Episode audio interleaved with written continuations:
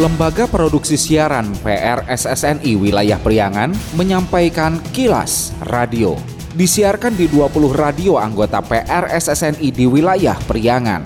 Dan kilas radio edisi kali ini di antaranya mengenai imbas informasi hoax terjadi penurunan kunjungan wisata dan okupansi hotel di Pangandaran. Pamnataru, Polda Jabar atensi khusus jalur selatan dan wisata.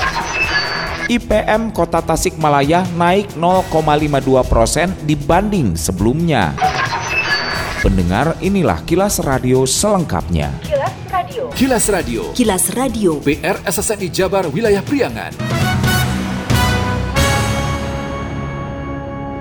Diduga banyaknya informasi hoax, momen libur sekolah dan Nataru, wisata di Kabupaten Pangandaran sepi pengunjung. Hal itu diakui Ketua Perhimpunan Hotel Restoran Indonesia PHRI Kabupaten Pangandaran Agus Mulyana. Agus kepada Genang Parto Kilas Radio Senin 26 Desember pagi menyatakan sepinya pengunjung diduga imbas dari beredarnya informasi di medsos serta memang adanya gempa bumi yang beruntun di berbagai wilayah Jawa Barat sehingga hal itu menyebabkan wisatawan enggan berwisata ke kawasan pantai. Namun Agus optimis jelang libur pergantian tahun kondisinya kembali normal meski diakuinya wisata alam seperti kawasan Pangandaran sangat tergantung dengan cuaca dan iklim. Objek wisata Pangandaran Pak di Natal ini agak sedikit menurun kunjungan dan okupansi hotel. Kemungkinan ini ada imbas dari hoax yang luar biasa kemudian juga terjadinya beberapa kali gempa yang berturut-turut di beberapa daerah sehingga objek wisata Pangandaran ini mungkin karena kita wisata alam jadi resiko-resiko itu memang ada tapi saya informasikan sampai saat ini Pantai Pangandaran aman untuk dikunjungi tapi memang saat ini kita sedang ada fenomena yang namanya rob tapi itu tidak bermasalah dan itu memang siklus tahunan yang selalu terjadi di laut ya.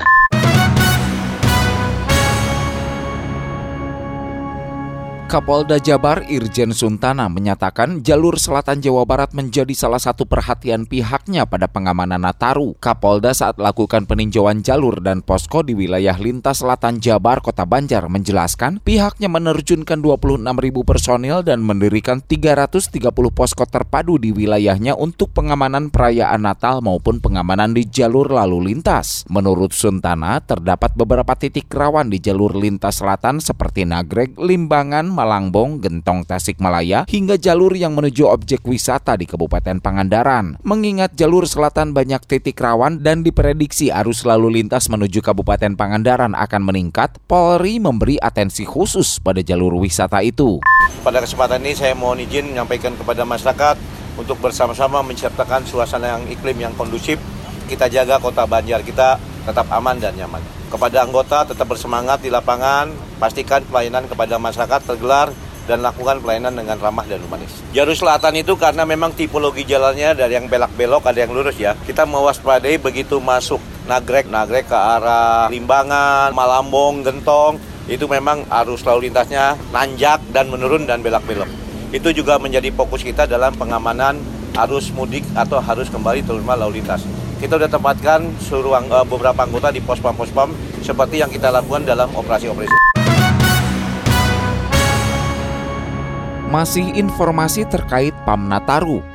Wali Kota Banjar ADU Sukaisi mengapresiasi peran TNI Polri, petugas terkait dan para relawan yang telah laksanakan Pamnataru di wilayahnya. AD bersama Forkopimda Kota Banjar melakukan patroli bersama dalam rangka pengecekan pengamanan pos Pamnataru ke beberapa gereja dan pos pengamanan menuturkan patroli bersama dilakukan untuk memastikan perayaan Natal dan Tahun Baru di Kota Banjar berjalan dengan aman, nyaman serta seluruh umat Nasrani dapat menjalankan ibadah dengan nyaman. Ia meyakini Banjar kondusif karena toleransi masyarakat sangat baik dan cerdas sehingga menjunjung tinggi kekeluargaan serta gotong royong.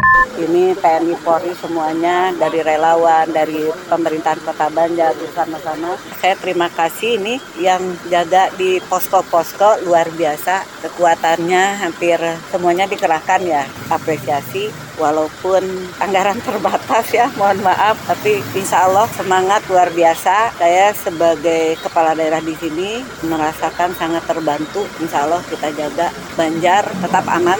Selama ini kita perlihatkan masyarakat sudah cerdas kita bersama-sama memberikan toleransi terhadap sesama warga masyarakat, tetap menjaga kekeluargaan, kegotong royongan dalam Nataru ini. Saudara, ini sisi lain terkait Natal dan Tahun Baru masih dari Kota Banjar.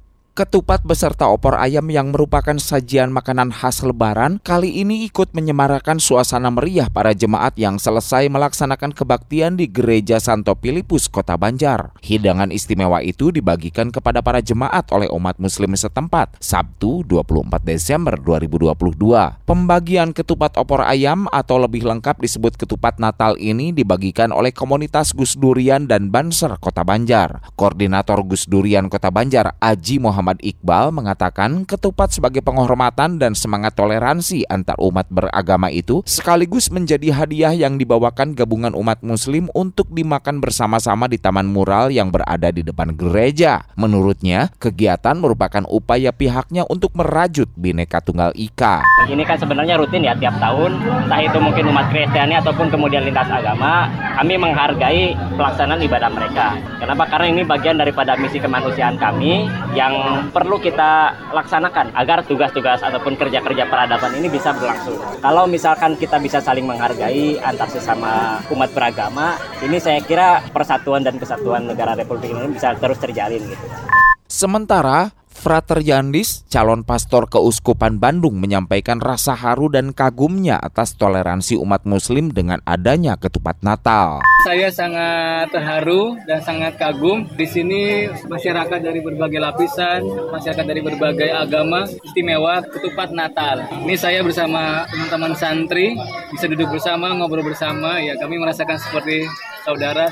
Kilas Radio. Kilas Radio. Kilas Radio. PR SSNI Jabar Wilayah Priangan. Musim hujan telah tiba. Waspadai kawasan sekitar Anda yang berpotensi rawan bencana alam, longsor, banjir, angin puting beliung, dan lain-lain. Siagakan diri kita setiap saat, setiap waktu untuk meminimalkan korban jiwa.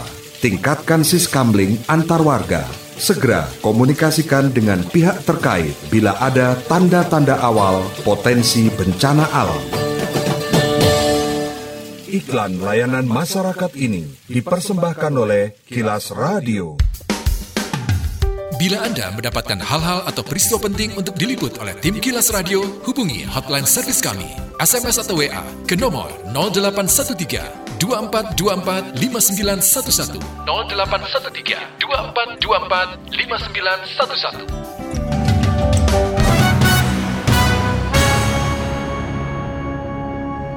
Pemkap Garut himbau masyarakat tak berlebihan dalam menyambut datangnya tahun baru 2023. Himbauan itu disampaikan Sekretaris Daerah Garut Nurdin Yana. Yana usai gelar apel pasukan Operasi Lodaya 2022 dalam rangka pengamanan Nataru pekan lalu mengatakan pelaksanaan apel gelar pasukan adalah sebagai bentuk dan kewajiban pemerintah atau negara hadir bagi masyarakat. Menurutnya, selain ada pengamanan warga yang beribadah khususnya umat Kristiani, juga momen pergantian tahun yang dimanfaatkan masyarakat untuk mengekspresikannya. Dikatakan hal itu bukan sesuatu yang tidak baik, namun tetap pemerintah melakukan bentuk pengamanan atas kondisi itu. Pasalnya saat ini masih pandemi COVID-19 pada penerapan PPKM level 1. Kita mampu bahwa tahun baru itu salah satu momentum yang tidak boleh lepas dari agenda mereka. Ingin lihat bagaimana tahun 2022 masuk ke 2023 sehingga hampir layak dilakukan bagaimana bentuk-bentuk ekspresi mereka dalam rangka menyambut tahun baru ini.